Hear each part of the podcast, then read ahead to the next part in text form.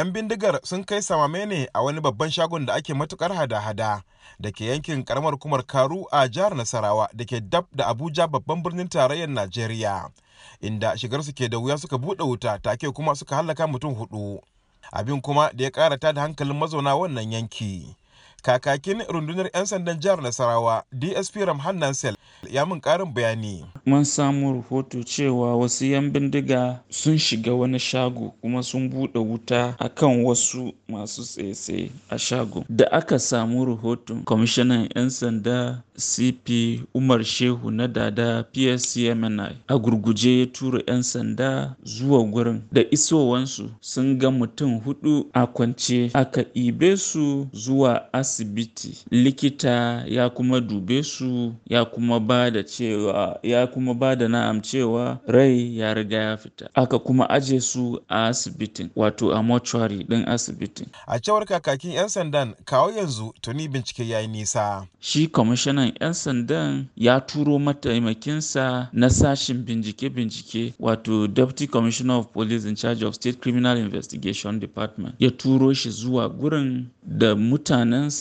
don su ci gaba da bincike. So yanayi da ake ciki kenan ana kan bincike. Dr yahuza ahmed getso mai sharhi ne kan sha'anin tsaro. Shi wannan hari da aka kai a shago a maraba a yankin jihar nasarawa. Don da abin da aka fi sani shine ana samun kwakwal laifuka a watanni na uku na ƙarshen shekara da ake cewa to yan bamans to amma sai gashi wani abu ya zo sabon abu ya faru a cikin watan janairu na sabuwar shekara wanda ba a cika samun irin waɗannan abu haka ba. Akwai rauni matuƙa daga ɓangaren jami'an tsaro. Duk da yanayin cunkoso da ake da shi na yawan ababen hawa da yawan al'ummu da wannan yanki yake da shi an zo an iya aikata irin wannan laifi har sun yi nasarar kashe mutane har guda huɗu kuma sun ɗauki abubuwan da suke buƙata kuma har sun tafi. Yar manuniya tana ƙara nuna ƙara lalacewar al'amura na tsaro waɗanda suke ƙara tunkarar wato birnin tarayya abuja. Yan sanda a jihar dai na ƙara neman haɗin kan jama'a don inganta sha'anin tsaro a wannan yanki. Muna kira ga al'umma jihar nasarawa. Aikin tsaro ba dai aikin 'yan sanda kaɗai ba. Muna roko su ba mu haɗin kai gurin ba mu information. Kakakin rundunar 'yan sandan jihar nasarawa dsp ramhan nansel.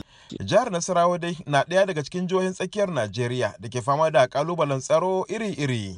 A baya dai an taɓa sace tsohon mataimakin gwamnan jihar an kuma sace wasu ɗaliban jami'ar gwamnatin tarayya da ke babban birnin jihar.